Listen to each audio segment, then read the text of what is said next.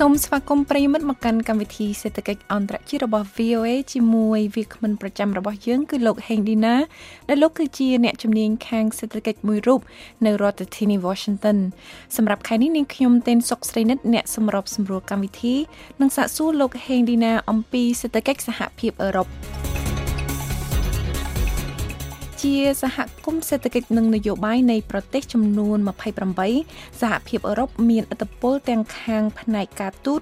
នយោបាយនិងសេដ្ឋកិច្ចសហភាពអឺរ៉ុបក៏ជាទីផ្សារដ៏ធំសម្រាប់ផលិតផលរបស់បណ្ដាប្រទេសជាច្រើនលើសពីនេះសហភាពអឺរ៉ុបក៏ជាមជ្ឈមណ្ឌលវប្បធម៌ជាប្រភពនៃបច្ចេកវិទ្យាថ្មីដែលជាទីស្នាក់ការរបស់ក្រុមហ៊ុនធំៗជាច្រើននៅក្នុងពិភពលោក តែស្របពេលជាមួយគ្នានោះសេដ្ឋកិច្ចរបស់បណ្ដាប្រទេសនៅក្នុងសហភាពអឺរ៉ុបកំពុងប្រឈមនឹងបញ្ហាជាច្រើនដែលត្រូវដោះស្រាយបន្ទាប់ពីវិបត្តិសេដ្ឋកិច្ចពិភពលោកកាលពីឆ្នាំ2008និងវិបត្តិបំណុលឆ្នាំ2010និងឆ្នាំ2012ជាដំបូងខ្ញុំសូមឲ្យលោកឌីណាបកស្រាយត្រួសត្រាសថាតើអ្វីទៅជាសហភាពអឺរ៉ុប សហភាពអឺរ៉ុបមានប្រវត្តិបង្កើតឡើងបន្ទាប់ពីសង្គ្រាមលោកលើកទី2ដើម្បីបង្កើនស្ថិរភាពនិងសហប្រតិបត្តិការសេដ្ឋកិច្ចរវាងប្រទេសជាសមាជិកអឺតាមរយៈសន្ធិសញ្ញាមកទីឆ្នាំ92សហភាពអឺរ៉ុបត្រូវបានបង្កើតជាផ្លូវការចេញពីអតីតសហភាពសេដ្ឋកិច្ចអឺរ៉ុបដែលមានប្រវត្តិចេញពីសហគមន៍ដែកថែបនិងជូនថ្មនៅឆ្នាំ1951 និតសប្តាហ៍ថ្ងៃដែលមានប្រទេសចំនួន28ជាសមាជិករួមទាំងប្រទេសអង់គ្លេសផងនោះសហភាពអឺរ៉ុបមានស្ថាប័ន3ជាចម្បង ទី1គឺ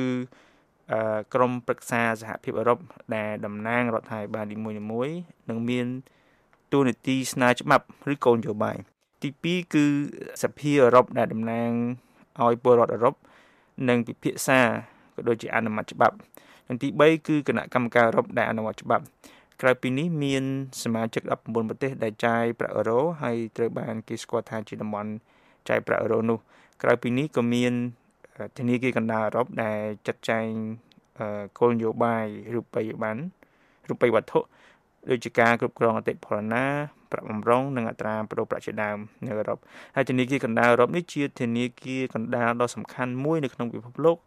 ក្នុងចំណោមធនាគារកណ្ដាលធំៗដូចជាធនាគារកណ្ដាលបំរុងសហព័ន្ធអាមេរិកធនាគារកណ្ដាលជប៉ុននិងធនាគារកណ្ដាលអង់គ្លេសជាដើមចាងាកមកអឺនិយាយអំពីសេដ្ឋកិច្ចសហភាពអឺរ៉ុបវិញតើសប្តាហ៍ថ្ងៃនេះស្ថានភាពសេដ្ឋកិច្ចរបស់សហភាពអឺរ៉ុបនឹងមានលក្ខណៈយ៉ាងណាដែរលោកយើងឃើញថាសេដ្ឋកិច្ចសហភាពអឺរ៉ុបមានទំហំជាង19 trillion ដុល្លារឬជិត 1ភាគ4នៃសេដ្ឋកិច្ច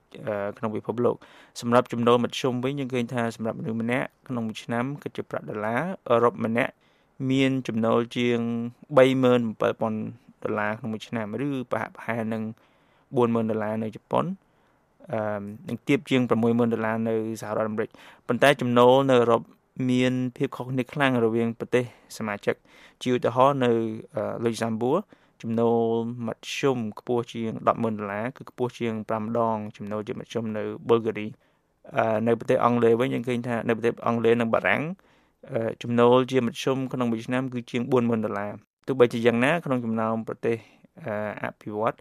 គម្លាតរវាងអ្នកមាននិងអ្នកក្រនៅប្រទេសអឺរ៉ុបភាគច្រើនមានភាពប្រសើរជាងនៅអាមេរិកអឺយើងក៏ឃើញដែរថាកំណើន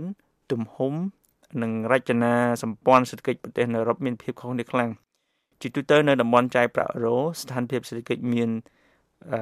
ស្ថានភាពកំណើននៅទាបនិងថមថយនៅឆ្នាំ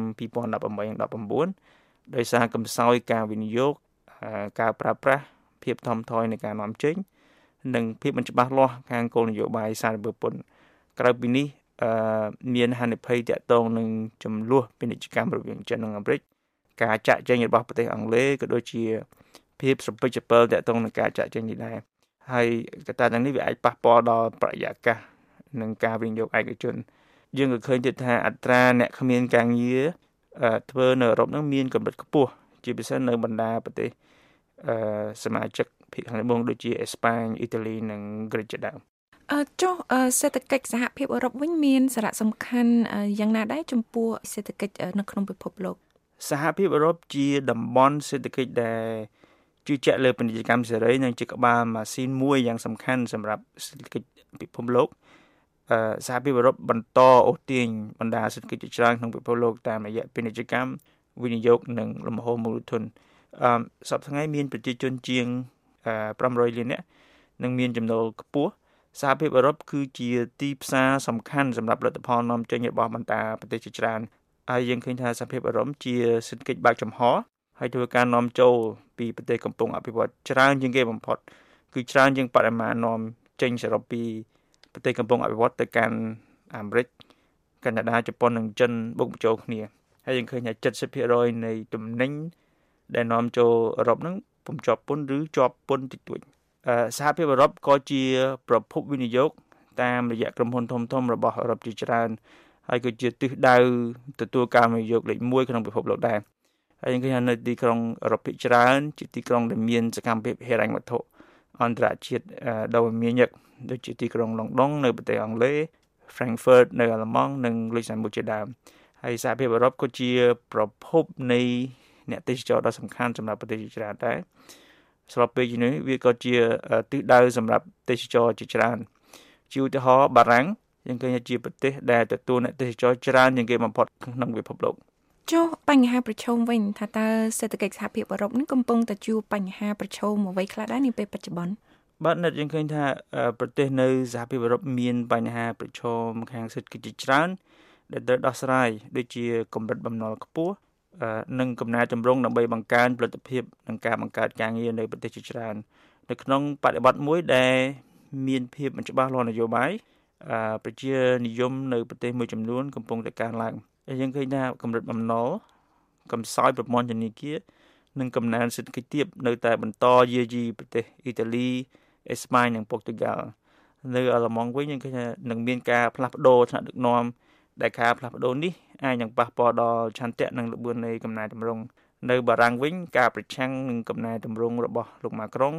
អាចនឹងធ្វើឲ្យអាខានកំណែតម្រង់សំខាន់សំខាន់ដែលជួយបង្កើតផលិតភាពនិងឱកាសការងារដូចជា កំណែតម្រង់ប្រាសោធននិវត្ត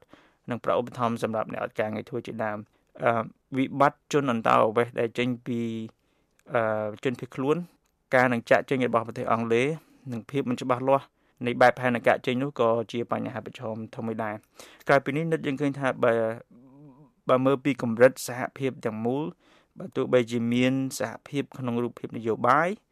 ស្ថាប័នរដ្ឋបាលនិងការចាយប្រាក់រួមក្តីប្រាក់រួមប្រាក់រួមក្តីវិស័យធនាគារគោលនយោបាយសារពពន្ធនិងទីផ្សារហិរញ្ញវត្ថុ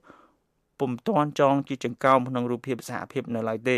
ទាំងអស់នេះហើយដែលធ្វើឲ្យអឺរ៉ុបមានការលំបាកក្នុងការស្ដារនិងរំញោចសេដ្ឋកិច្ចឡើងវិញនៅពេលដែលសេដ្ឋកិច្ចជួបបញ្ហាខុសពីសហរដ្ឋអាមេរិកដែលអាចប្រើគោលនយោបាយទាំងនេះដូចជារូបិយវត្ថុនិងសារពពន្ធនិងកំណែតម្រង់ជារចនាសម្ព័ន្ធ